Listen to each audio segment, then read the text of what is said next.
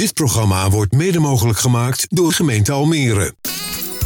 Easy FM Tech en Innovatie met Ronald Tervoort. Easy FM. Welkom en leuk dat je weer luistert of meekijkt naar Tech en Innovatie, de wekelijkse talkshow over ondernemen op het snijvlak van technologie en innovatie.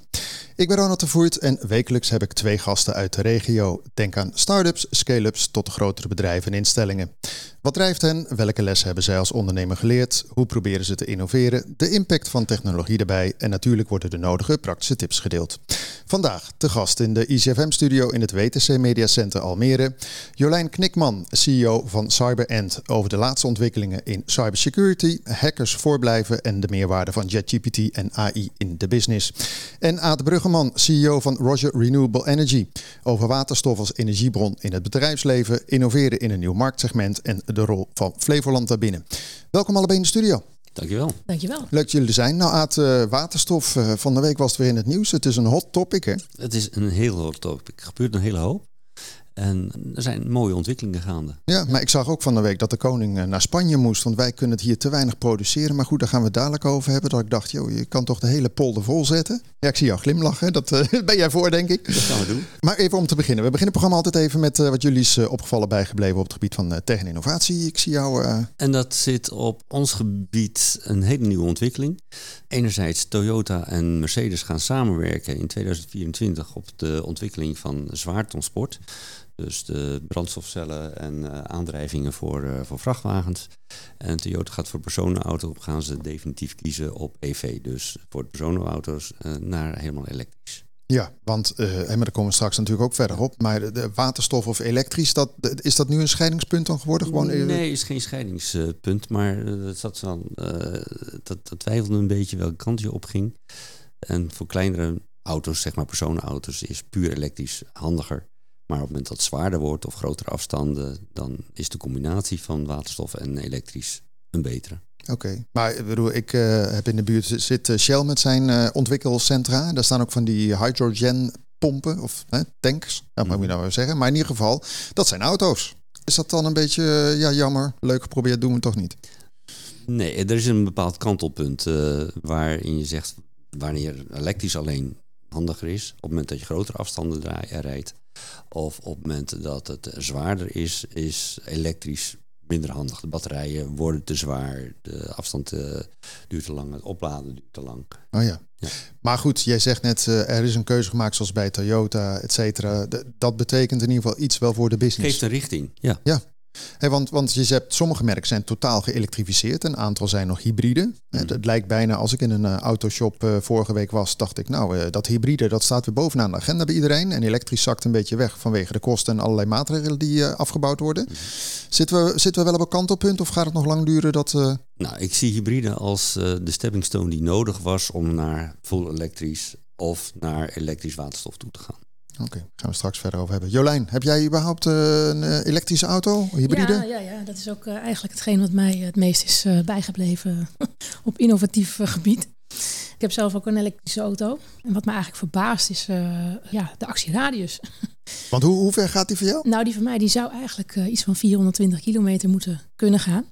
Toen werd er gezegd toen ik hem kocht van nou let op, want dat wordt dan 340. En uiteindelijk blijkt dat maar 210 te zijn. Okay. Dus. Um, oh, dat is wel een, ja, uh, dat is wel een dingetje. Het viel een beetje tegen, zeg maar. ja, dus uh, toen je hier naartoe reed en terug en daarna moet hij weer aan. Uh, nou, hij aan staat nu beneden, staat hij aan de lader. Maar nee, je kan, kan er wel aardig mee rijden. Als je goed rustig rijdt, dan kom je wel wat verder. Maar met mijn rijstijl. Uh... Oh ja, dat heeft, uh, jij krijgt geen groene vlaggetjes in je beeldscherm. Maar, uh, want er zijn nu auto's die, die gaan over de duizend heen, hè? Qua rijden, elektrisch. Mercedes, geloof ik. Ja, dat heb ik nog niet gezien. Oké, okay, maar, dat, maar dat, dat staat op de tekentafel, zag ik maar. Toen dacht ik, ja. nou, nu wordt het een beetje wat. Wat wilde jij inbrengen qua tegen innovatie? Nou ja, Dit jouw frustratie dat, over dat, dat je... Dat is eigenlijk mijn... Uh, ja, dat vond ik heel erg opvallend. Hè? Dus uh, je kiest dan voor elektrisch. En, en wat me ook uh, is bijgebleven is, toen ik die elektrische auto kreeg... kreeg ik heel vaak te horen van mensen van... ja, heb je wel een elektrische auto, maar is dat nou echt zo milieuvriendelijk? Want het vervaardigen van die accu's en het uh, weer ja. afbreken van die accu's, dat, uh, dat, dat, kost het milieu veel meer. Dus ik weet niet of dat waar is, maar toen had ik zoiets van, oh, ja, daar heb ik uh, me niet op ingelezen. Ja, want je zit uiteindelijk wel met al die accu's. Hè? Dat is, ik bedoel, batterijtjes moet wel netjes inwisselen, maar dit is wel een stuk een chemisch blok. Wat ze zeggen, althans dat las ik laatst, dat de, de accu's eigenlijk de nieuwe mijnen worden. Er wordt een hele grote recyclingfabriek gebouwd in Duitsland. Maar ze zeggen van oké, daar gaan we onze grondstoffen voornamelijk uit winnen. Oké. Nou, van de week was er ook een partij die had, ik weet niet of de Hyundai was of zo, maar die hadden een nieuw soort accu. dus niet meer met lithium en dat soort dingen erin. Maar goed, dat kan natuurlijk ook nog. Even eerst om te beginnen. Jolijn, jij bent uh, een vrouw aan de top in de security business, als ik het zo even mag stellen. Een uh, werkgebied wat eigenlijk over het algemeen denken mensen, hé, hey, dat is een mannengebied. Ja, dan zit je daar als uh, CEO. hoe, hoe, hoe kom jij bij dit security uit eigenlijk dan? Ja, met een hele grote omweg. Ik kom officieel uit de kaas. Uit de kaas? Kaasmeisje geweest. Nou, op een gegeven moment had ik zoiets van, uh, ik wil wel eens wat anders doen. Uh, na elf jaar kaas verkopen had ik er genoeg kaas van gegeten. En toen ben ik eigenlijk bij Debitel terechtgekomen. Dat is een telefoonbedrijf, ja. neem ik aan. ja, mobiele telefonie. Ze verkochten abonnementen voor de grotere providers. En zo ben ik een beetje ja, doorgegaan. Op een gegeven moment bij Hirschman terechtgekomen in een Cayenne satellietsysteem. Allemaal vrij technisch. Nou, uiteindelijk dus uh, bij FireView, uh, Apple. We hadden het er net al eventjes over uh, voor de uitzending. En uiteindelijk terechtgekomen bij VX Company in de maatwerksoftware. Ja, en nu dus bij, bij Cyberend als CEO in de cybersecurity. En als je even kijkt bij jullie op de werkvloer. Wat is een beetje de verhouding man-vrouw? Nou ja, een beetje 50-50 wel. Ja. Oh, dat is dus, nog wel netjes eigenlijk. Ja, ja dat, dat maar zit er nog een soort van rolverdeling in dat, dat, dat mannen bepaalde dingen doen en vrouwen? Ja, of je ziet wel dat uh, pentesters en uh, developers, dat zijn uh, vaak mannen. Je ziet wel steeds meer vrouwen, gelukkig. Je, je noemt al even een woord, hè, pentesten. Voor de mensen die niet kennen, ja. zijn penetratietesten. En dat betekent dan, hey, hoe makkelijk kan je ergens naar binnen komen via een achterdeurtje in een systeem bij een ja. bedrijf. Maar jullie doen ook social engineering. Hè, hoe, hoe goed ja. kan je gehackt worden? Nou, allerlei zaken in ieder geval op het gebied van veiligheid voor je bedrijf. Wat is nou eigenlijk, vroeg me allereerst af, de schade die er jaarlijks is op dit gebied? Ja, dat is heel veel. Dat gaat echt uh, in de biljoenen. Uh, maar voor Nederland bijvoorbeeld? Ik weet niet wat het is voor Nederland, maar het is volgens mij iets van 80 biljoen in, uh, wereldwijd. Ja, oké. Okay, ja. Want ik las ergens inderdaad iets van 10 miljard in Nederland. Dat is uh, tien keer zoveel als diefstal uit winkels. Dus toen dacht ik, nou, dat is toch best een groot ding. Überhaupt, want jij zit uh, in de waterstof. Zitten jullie ook met security dan meteen al om tafel? Of ben je vooral bezig met hoe bouwen de fabriek en de vergunningen? De veiligheid is een grote uitdaging erbij. Maar we zijn hoofdzakelijk nu bezig het plannen van de fabrieken. Maar uh, zorgen dat het een veilige fabriek wordt. En ook qua uh, IT-security lijkt me zeer voor de hand liggend dat ja. we dat meepakken. Ja, want het is een soort ja. van plant. Hè? Een soort van uh, toch wel gevoelig als er iets ja. mee gebeurt.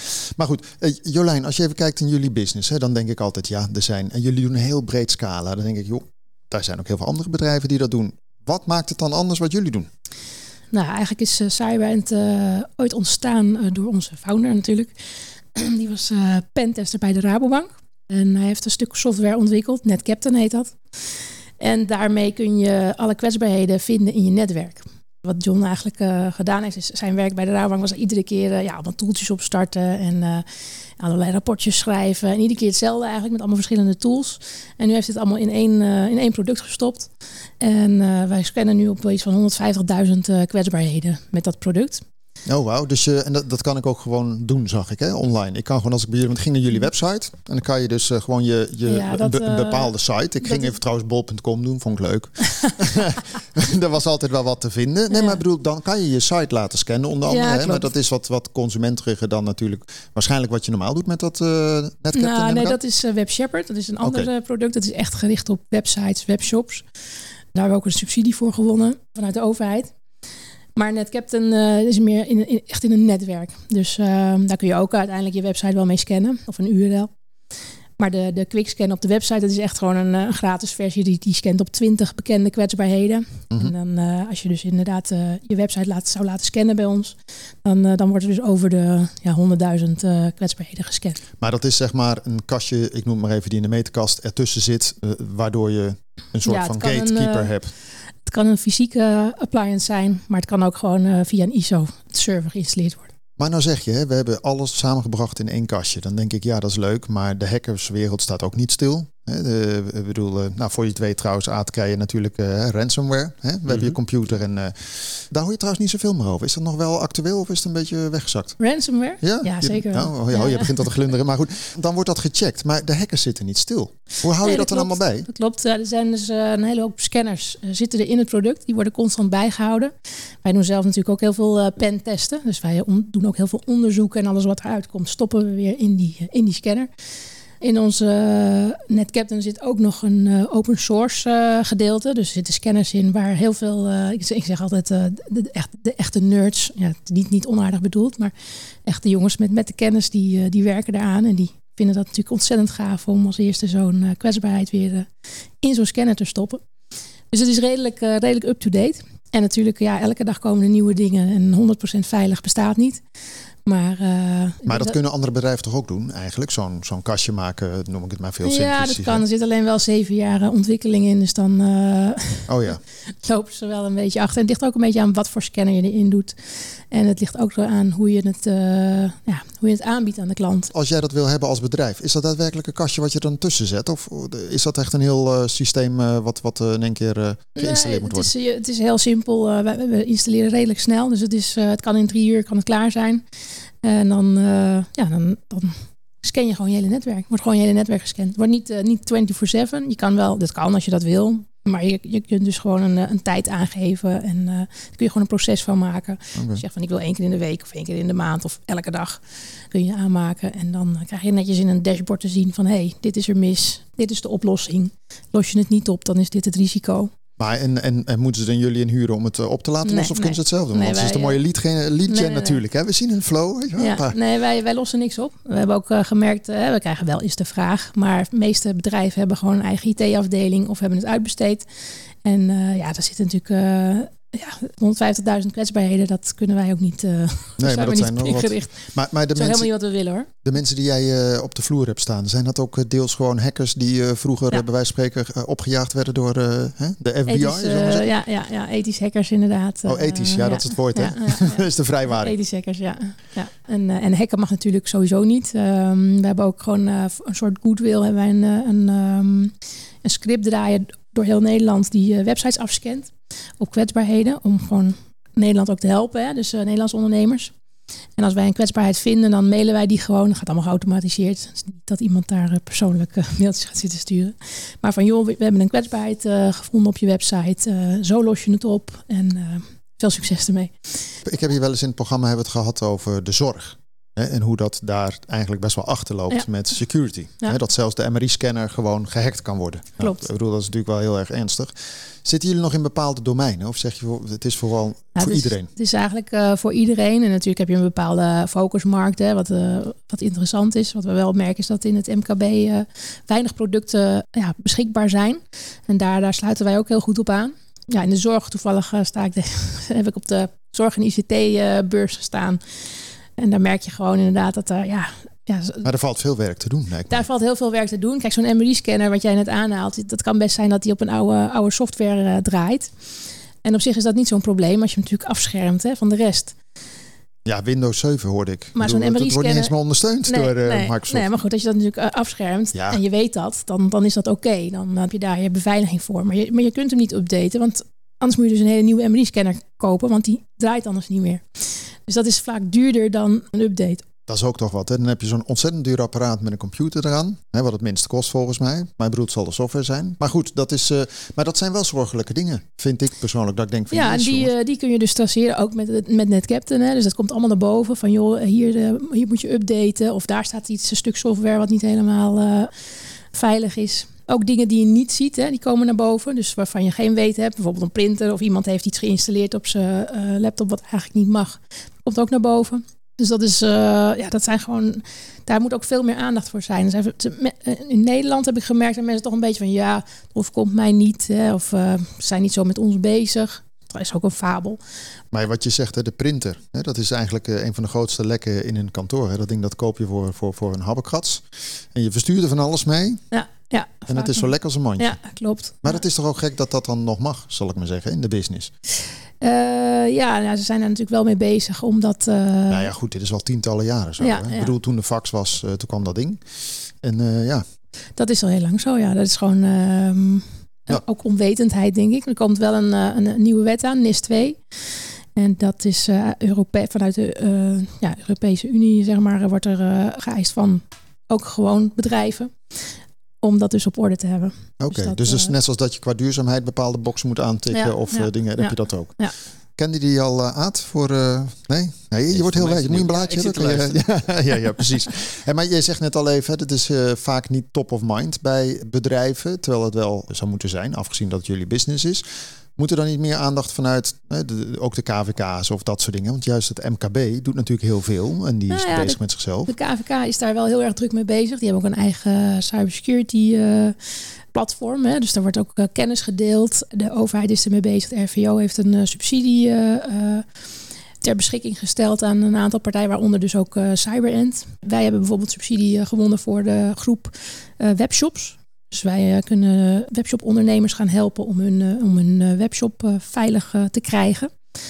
Dat zijn toch heel veel initiatieven die genomen worden. Maar, maar eerlijk gezegd vind ik het nog steeds een beetje te weinig. Ja, Ja. kan me voorstellen. Ik, ik noemde in de introductie net even hè, Dat woord dat valt te Ja. pas en te onpas de Ja. laatste maanden. En ook AI. In hoeverre is dat bij jullie ook van toepassing? Dat je dat soort nou, zeg maar artificiële intelligentie inzet? Ja, wij, wij zetten dat eh, op dit moment nog niet in. We zijn natuurlijk wel naar aan het kijken. We zijn daarmee aan het spelen. En aan het kijken van, joh, wat, wat doet het nou? Wat kan het eigenlijk allemaal? Hè? En, en klopt het ook? Maar ja, dat, dat zal in de toekomst wel een hele eh, verandering eh, gaan meebrengen. Je ziet nu al natuurlijk heel veel developers die gaan hun code schrijven met ChatGPT. Er zijn ook heel veel hackers die nu dankbaar gebruik maken van ChatGPT. Daar liggen natuurlijk, ja, ook, maar ook, er liggen ook kansen, zeg maar. Het is niet alleen maar eh, ellende, heel veel mensen zijn er bang voor. Maar ik denk dat het ook, ja, dat het de manier van werken gewoon eh, heel erg gaat veranderen en, gaat, gaat helpen ook. Dus veel meer efficiënter. Jullie zijn eh, gevestigd hier in Almere. Klopt. Waarom überhaupt hier? Ik zou zeggen, eh, je kan overal zitten. Ja, dat kan. Ja, maar is nee, dat, ja, eh, dat wat- was van, eh, ja, ze hebben in Veenendaal gezeten, in Lelystad en, en nu zitten we in Almere. oh, jullie gingen darten op de kaart van Nederland en toen lag Ja, nee, nee. Lelystad was eigenlijk in de tijd van corona. En dat, ja, dat, dat, toen was een beetje de vraag van, ja, wat, wat gaan we nou doen? Dat contract liep af. Dus ja, dan, dan ga je al nadenken van, ja, hoe ziet de toekomst eruit? Ja, uiteindelijk eh, dus tijdelijk iets in Almere gehuurd. Ook iets dichterbij. De twee, eh, me- eigenlijk drie medewerkers wonen dicht bij Almere. En eh, de rest er toch een beetje omheen.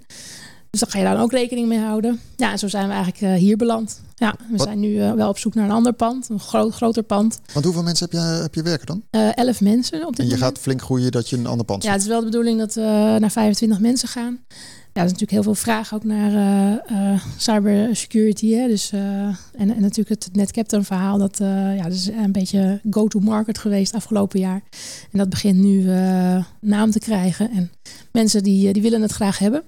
Dus ja, dan, dan, dan heb je weer mensen nodig. Dan, eh, Is het nou nog zo dat je met alle andere securitybedrijven eh, samen bepaalde dingen deelt? Hè, ik bedoel, je kunt wel zeggen, we delen wel, wel dat er bepaalde lekken zitten ergens. Maar ja, kijk, als je alles deelt, weet iedereen hetzelfde. Is het onderscheidend vermogen ook Ja, lager? niet, niet zozeer de lekken. Kijk, wij doen natuurlijk niet alles. En eh, bijvoorbeeld Hofman zit ook hier in Almere. Dat is natuurlijk het meest bekend onder bedrijfsrecherche.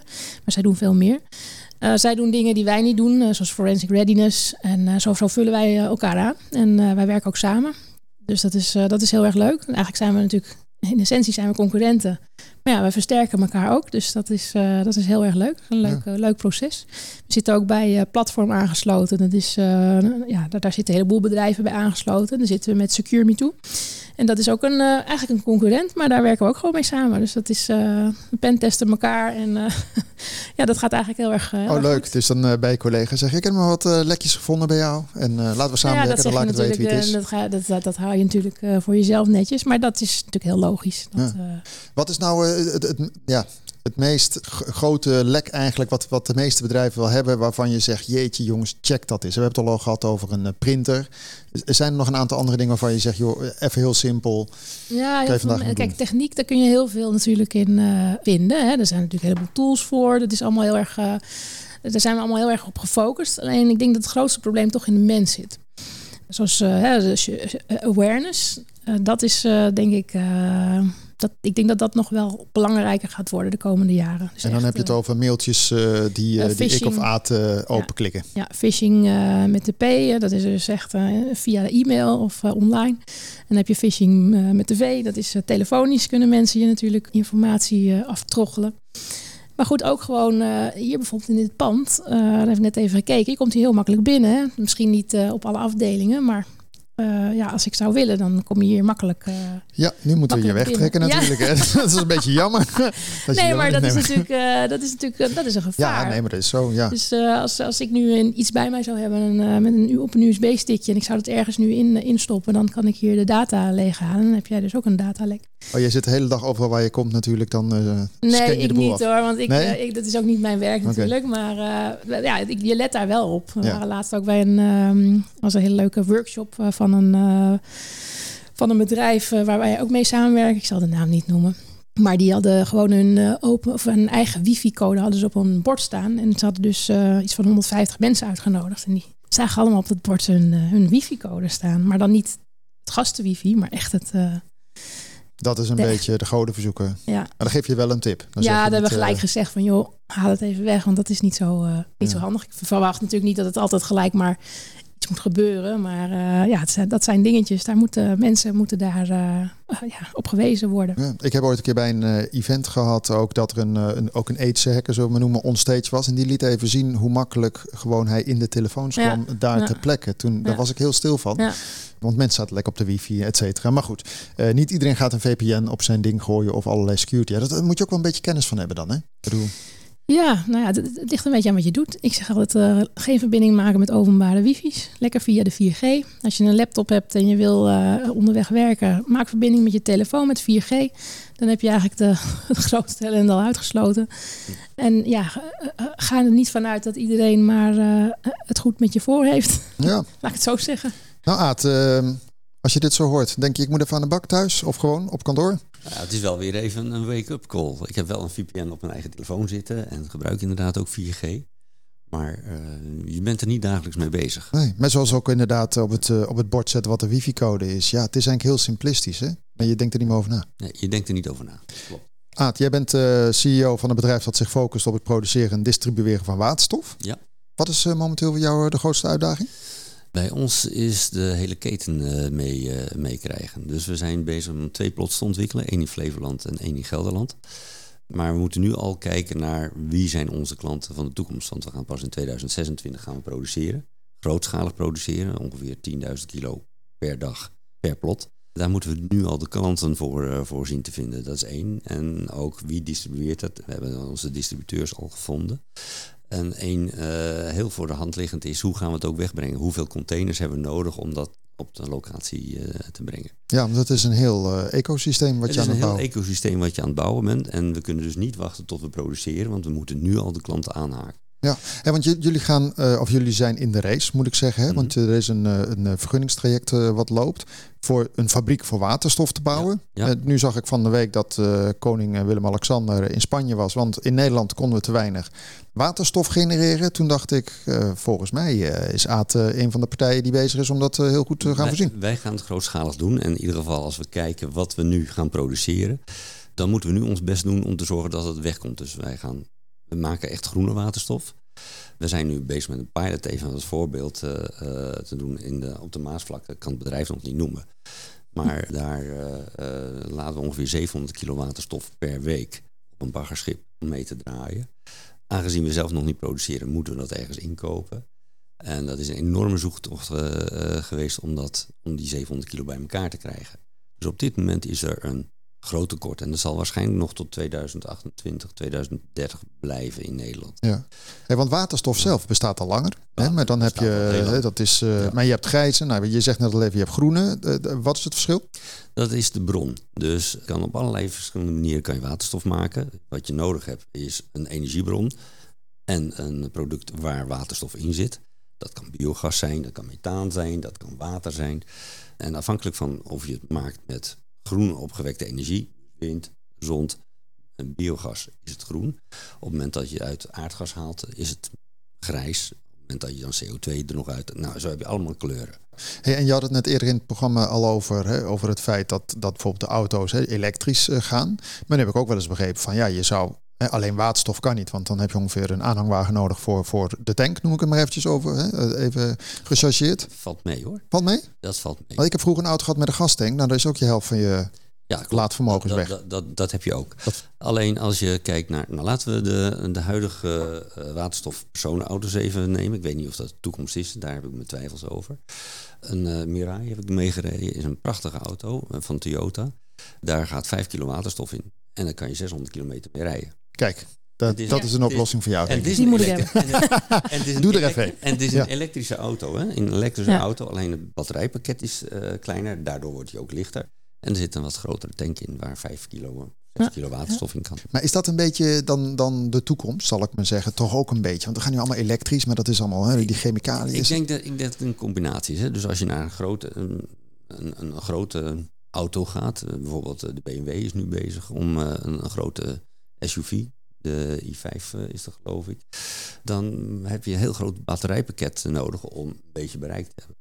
Dus als je dan een kleine batterijpakket neemt, dus in plaats van 500, 600 kilo aan batterijen, een 100 kilo plus een brandstofcel en een, uh, en een tank, uh, dan kan het wel uit. Je had het net even over die distributie. Hè? En dan hebben we dadelijk zo'n fabriek staan. Voor me zijn er meerdere plants, of plot zeg jij. Ik zeg eigenlijk plants, maar ja, dat, is, dat in de, de biochemische... De, de, de plot is het, uh, is het landstuk wat je gaat ontwikkelen. Dus wij zijn op twee plekken bezig met ongeveer 4 hectare waar we die fabriek op gaan, gaan zetten. En dat wordt een fabriek. En een fabriek is eigenlijk niet zoals je gewend bent, maar er zijn allemaal containers. En in containers zitten spullenboel waarmee je water waterstof maakt. En dan denk ik bij mezelf, goh, dan, dan zit je in Flevoland. Dan zit je, je hebt zelf ook nog Flevokusthaven, denk ik mooi. Hè? Ja. Dicht bij een uh, soort, soort van uh, toch een inlandse haven. Maar ondertussen hoor je ook weer geluiden van ja, het net zit vol, uh, waterstof moet via de gasleidingen. Ja goed, dan begint het voor mij alweer te duizelen als ik het goed heb. Maar hoe ga je dat transporteren? Want alleen maar wagens over de weg, dat wordt hem ook niet, denk ik. Nou, dat ligt aan de kwaliteit van de waterstof die je gebruikt. Dus er wordt een ringleiding gelegd door Nederland, de, de backbone. En er komt waterstof in van een bepaalde kwaliteit, 98% zuiver. En daar kan je prima producten mee maken. Hè, dus dat gaat naar de raffinaderijen toe, et cetera. Maar op het moment dat je het in een brandstofcel gaat stoppen in een auto, heb je hele zuivere waterstof nodig. 99,999% zuiver. Dat kan je niet in die, in die pijpleiding uh, stoppen, want dan wordt hij dus minder zuiver. Okay. Wij gaan daadwerkelijk rijden met containers. Dus we hebben nu 20 voetcontainers en daar zit 400 kilo waterstof in. En dat transporteren we naar de locatie waar het zit. Zeg je 400 kilo is niet zoveel. Maar met 400 kilo kan je met die Mirai kan je 40.000 kilometer rijden. Dus met oh. één container één rondje om de aarde. Wauw, dat is wel uh, dat is andere koek. Dat is andere koek. Want er zit heel veel energie in die kilo waterstof. Maar ben je dan niet bang, uh, want we hebben het net over uh, wifi op borden of uh, je steekt ergens een stick in. Dan denk ik van de waterstof is natuurlijk wel een soort heel vluchtig en ook nou, brandbaar middel. Het is een gas, net zoals campinggas, net zoals methaan. Ja, maar die wil je ook niet naast je bed hebben staan. Wil je ook niet naast je bed hebben. Maar er is één voordeel van waterstof. Het is heel erg licht en het is niet giftig. Dus op het moment dat het lekt, gaat het met 20 meter per seconde gaat de lucht in. Dus over drie seconden zit het op 60 meter hoog. Oh. Dat is lekker snel. Dat is lekker snel. Als je dan eens even kijkt naar innovatie, hè, want dan zeggen we waterstof bestaat al lang, we hebben nu groene waterstof. Dan denk ik, ja, voordat je het weet heb je een fabriek opgebouwd, heb je alles in place. En dan blijkt er in één keer iets vernieuwends te zijn, waardoor die fabriek weer eigenlijk een wet van de remmende voorsprong heeft. Er gaat ontzettend veel ontwikkeling uh, plaatsvinden. Dus hoe, hoe ga je daarop inspelen? Want, want als jij die vergunning hebt, nou ja goed, het gaat erop. Ja, onze fabrieken die we nu gaan bouwen, die worden op 20% van de capaciteit neergezet. Dus we beginnen met een 20 megawatt. Maar de basis zit op 100 megawatt, dus vijf keer zoveel. En we zijn nu ook al bezig, terwijl de eerste fabrieken nog niet klaar zijn, om ook de volgende generatie neer te zetten. Dus we beginnen met 20 megawatt en dan gaan we uitbreiden naar 40 megawatt. En daar zit al nieuwe technologieën in. Dus we hebben een tweetal fases al gedefinieerd voor nu, van nu tot en met 2028. Waardoor we ook nog eens in die tweede fase al 2,5 keer zo efficiënt worden. Dus met elke kilowattuur aan stroom die we uithalen, uh, kunnen we dan 2,5 keer zoveel waterstof maken. Is het nou nog zo dat je ook met andere partijen, ik noem wat in Duitsland, in UK, Frankrijk, eh, daar zitten ze ook niet stil. Dan kan je toch zeggen, jongens, uh, bel de Jolijn op van de waterstoffabriek uh, ergens in Frankrijk en zeg hoe zit het bij jullie, welke innovaties. Werkt dat zo of is het nog een beetje eilandje? Nee, op dit, ja, er zijn veel ontwikkelingen, maar er wordt heel veel samengewerkt ook we moeten ook wel, als wij die, die transitie voor elkaar willen krijgen. Dus ik zie alle initiatieven die ook hier in Flevoland zijn, niet als concurrenten, maar je hebt elkaar ongelooflijk nodig. Al is het maar over hoe ga je de vergunningen met elkaar regelen. Uh, wat weten we allemaal nog niet.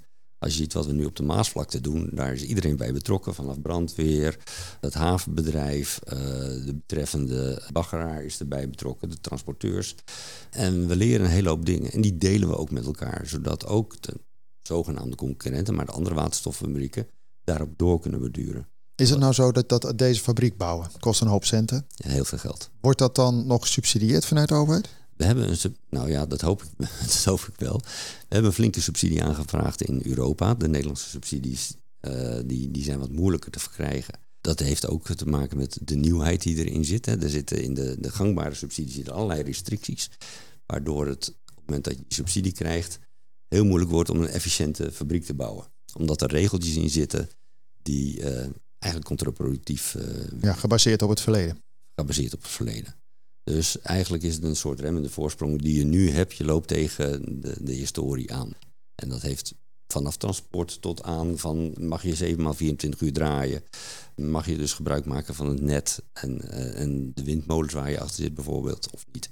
Maar, moet je het dan ook deels bekostigen uit het bedrijfsleven die dan uh, instappen? Ja, een deel van het geld hebben we zelf uh, neergelegd voor het geheel. En daar zit gewoon geld van investeerders in. Er zijn banken die een deel van de projectfinanciering willen doen. Maar ondertussen hebben we ook onze klanten nodig die pas in 2026 gaan afnemen. Om nu al vast te leggen van hoeveel wil je, wil je bij ons gaan, gaan bestellen. Uiteindelijk, voor zover ik dat kan zien in de media, denk ik nou, uh, want er zijn voor mij twee grote projecten in Flevoland, hè, waar jullie er één van zijn, mm -hmm. of in ieder geval uh, beoogd te worden. Is dit een ideale plek voor uh, dit soort zaken? Of zeg je van nou ja, in Zeeland zou het ook lekker kunnen doen? Ik kan het op, ja, je moet het op verschillende plekken doen. Eigenlijk als je kijkt naar die waterstoffen die wij produceren, die hele zuivere, die je dus eigenlijk met vrachtwagen gaat vervoeren. Het is erg onhandig om vanuit Eemshaven naar Zierikzee te rijden. Dus wij zoeken een, een plot, een gebied waar we beginnen te zitten, waar je in een straal van ongeveer 60 kilometer je afname kan doen. want anders wordt het niet praktisch om met heel veel containers heen en weer te gaan, uh, gaan rijden. En ook Flevoland is een hele mooie plek, want je werkt hier ontzettend veel elektronen op. Die zetten wij dan om in moleculen of een deel daarvan.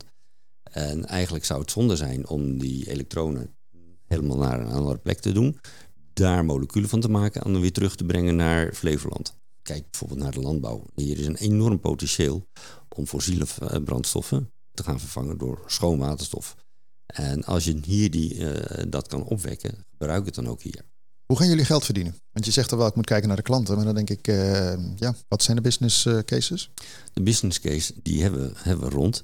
Dus we weten hoeveel per kilo wij willen verdienen. Om in ieder geval de banken af te kunnen lossen, onze aandeelhouders te kunnen af, uh, aflossen. En door een hele efficiënte constructie te maken, weten we dat we prijstechnisch goed uitkomen. Zodat we een beetje kunnen concurreren met de fossiele brandstoffen. Met de diesels in deze, want wij zitten echt in de zware hoek. Dus uh, zware werktuigen, landbouwvoertuigen, schepen voor de binnenvaart. Maar hoe ga je dat doen? Is, is er een soort van, uh, ga je afnamedeals maken? Of, of, uh... Ja, we kopen nu al de stroom in die we straks gaan gebruiken. Dus daar sluiten, zijn we nu al contracten voor af te sluiten. Dus dan weten we wat we per kilowattuur gaan betalen. Nou, dat is ook lekker. Hè? Die stroomprijs die gaat al heen en weer en dan ga je het nu afsluiten. Maar daarvoor leggen we dus vaste contracten vast. Ja, maar jij zit meteen bij de bron. Je pakt hem meteen even. We pakken bij, bij de bron. Dus Degene die nu de windmolens op zee zetten, of de windmolens die hier zetten, die willen dus ook een deel van hun investering gedekt hebben. Dus daar kunnen we nu voor vaste prijs lange termijn trajecten voor uh, doen. En op dezelfde manier weten we hoeveel er tussen moet zitten. En dan kunnen we dus met onze afnemers, bijvoorbeeld openbaar vervoerbedrijven of binnenvaart, kunnen zeggen: Oké, we willen in deze range met elkaar gaan afnemen. Dus het is vanaf de bron tot het eind probeer je die contracten dicht te zetten. Jij noemde net even al de scheepvaart en een aantal andere grote industrieën, maar wat betreft vliegtuigen. Er zijn voor me nu wat testen mee. Klopt. Ja, daar wordt onwijs veel kerosine verbrand, et cetera, vervuiling. Ja. Maar goed, kun je hele discussie En dan, dan is waterstof in gecomprimeerde vorm, dus als gas wat minder handig, hè? want dat neemt best veel ruimte in. Maar er zijn ontwikkelingen om waterstof vloeibaar te maken en dan op vloeibaar te gaan vliegen. Ja, want de eerste maar testen zijn er al wel, De toch? eerste testen zijn er wel. In uh, Marknesse bij NLR draaien ook al uh, uh, drones, maar er is ook een klein vliegtuigje, de Pipistrel, wat binnenkort ook op vloeibaar waterstof gaat draaien. Airbus is bezig met een enorme ontwikkeling. Die wil in 2035 met grote vliegtuigen gaan, gaan vliegen. Maar daar zitten nog ontzettend veel ontwikkelingen in om die vloeibare waterstof veilig in een tank te krijgen, eh, veilig in het vliegtuig. Als jullie straks die waterstof gaan vervoeren. hè, Ja. Stel je voor, je komt eh nou, Rotterdam kom je aan. Er zijn eh, grote vrachtwagens, maar dan moet je ook weer tankstations hebben. Is, is het dan een samenwerking zeg maar, om, om, het, om het met zijn Shell en zo allemaal dan weer in die vrachtwagens te krijgen? Bij ons wordt het op de fabriek getankt. Dus wij maken de waterstof. Dat Ja, gaat in zo'n dat tankwagen gaat- van dat de... Gaat, dat gaat of in tankwagens of in een container. Dus eigenlijk zijn we een soort raffinaderij. Ah. Alleen hebben we geen olie die we gebruiken, maar we gebruiken water als grondstof plus stroom. En dat gaat dan naar de distributeurs die het dan weer naar de plek brengen waar het nodig is. Oké, ja, ik zag even tussen de tankwagens ergens wachten op jullie. Dat jullie jullie eigen vervoer hadden in de container. Ja, dat klinkt ook zo plastisch, container, Ja. toch? En hoe zit het dan met eh, het watertekort? Nou, er is geen watertekort. Want- de droogte. Nee. Je hebt water nodig, heel zuiver water nodig. En dat wordt dan opgeslagen. Maar de grap is op het moment dat het door, door de brandstofcel eh, komt, komt er water uit. En het mooiste is, is heel schoon water wat eruit komt. Bovendien, je hebt ook lucht nodig bij weer het elektriciteit maken. Het moet zuivere lucht zijn, dus je haalt lucht uit de atmosfeer. Ja. Dat reinig je. En de lucht die uit de machine ja. komt, die is schoner. Ik denk dat, dat dit een vraag is dat mensen heel vaak denken van ja, hoe kan dat nou? Nee, het Ja. verdwijnt is Je denkt de gekkigheid. Ja, precies. We hebben droog, dus gaat hij een Ja. fabriek bouwen. Nee. Een 100 megawatt ding. Ja, hey, maar jij, jij hebt een verleden en eh, eh, binnen de gas- en olieindustrie, noem ik het maar eventjes. Ja, dat is heel lang geleden. Dat Ja, ook maar in ieder geval, dit ja. heeft wel jouw passie, zal ik maar zeggen. Maar als je dan kijkt naar Nederland, lopen we hierin eh, voorop? Of zijn we een beetje... Nee, Nederland is toch wel redelijk, redelijk vooroplopend in het geheel. Duitsland gaat ook hard. Maar als we dan kijken, iets noordelijker, de Scandinavische landen zijn veel verder. nou, dat hoor je wel vaker eh, op onderwerpen. Scandinavië. Nou ja, ze hebben eh, natuurlijk ook een hele hoop geld verdiend met de fossiele brandstoffen. En dat hebben ze op een hele slimme manier gebruikt om eh, de transitie te maken. Oké. Hey, wanneer verwacht jij dat eh zware industrie over is? Echt, dat je zegt van dat is toch wel een beetje de default op eh, waterstof rijden? Nou, dat, dat, dat gaat nog wel een tijd duren. Ja, maar Ja. 2030, 2000. 2030, dan hebben we toch wel een behoorlijke stap gemaakt. Alright. Hey, eh, richting eh, het einde van het programma vraag ik altijd even de gasten waar ze zich op verheugen in de komende week, weken. Eh, Jolijn, eh, waar verheug jij je op? Nee, ik ga morgen op vakantie. Oh ja, nee ja, dat is helemaal Daar lekker. verheug ik me Lekker off-season. Waar ga je naartoe? Met de auto of ga nee, je met de trein ik ga, dan? ik ga vliegen. Oh ja, je had, had je ook trein kunnen pakken? Even kritisch Nee, ik ga naar Egypte. Oh ja, nee, dan, dan, dan ben je heel lang onderweg, denk ja, ik. Ja. Oh, wat lekker. ja, heerlijk. heerlijk. Ja? Dus eh, daar kijk ik wel naar uit. Ja. Ja, nee, dat hoeft geen betoog verder. eh Aad, eh, waar verheug jij je op komende Ik week? ga volgende week met eh, een handelsmissie mee naar België. Op het gebied van waterstof natuurlijk. En daar, eh, daar verheug ik me op om eh, alle partijen in België en Nederland te ontmoeten. En eh wordt boeiend. Lekker. Ja. Dus we moeten toch met de, de zuidenburen is toch wel een van de eerste waar we ook weer lekker eh Ook. in, in de oosterburen. Ja. Oké. Hartelijk dank eh, allebei voor het prettige gesprek. Jolijn Knikman, CEO van CyberEnd en Aad Bruggeman, CEO van Roger Renewable Energy. Hartelijk dank en heel veel succes, want eh, jullie vergunning is nog niet officieel door en zo. Hè? Dat, Nee, is, eh, dat, dat heeft zijn tijd nodig. ja, dat is eh, mooi omschreven. Dankjewel. Jij bedankt eh, voor het kijken en wel het luisteren naar deze aflevering. Eh, wil je eerdere afleveringen bekijken of beluisteren? Check even de diverse streamingplatformen, de ICFM-app, dan wel het Kan Meer Tech-platform. Ik eh, wens je ook een hele fijne week en graag tot de volgende keer. Dit programma werd mede mogelijk gemaakt door gemeente Almere.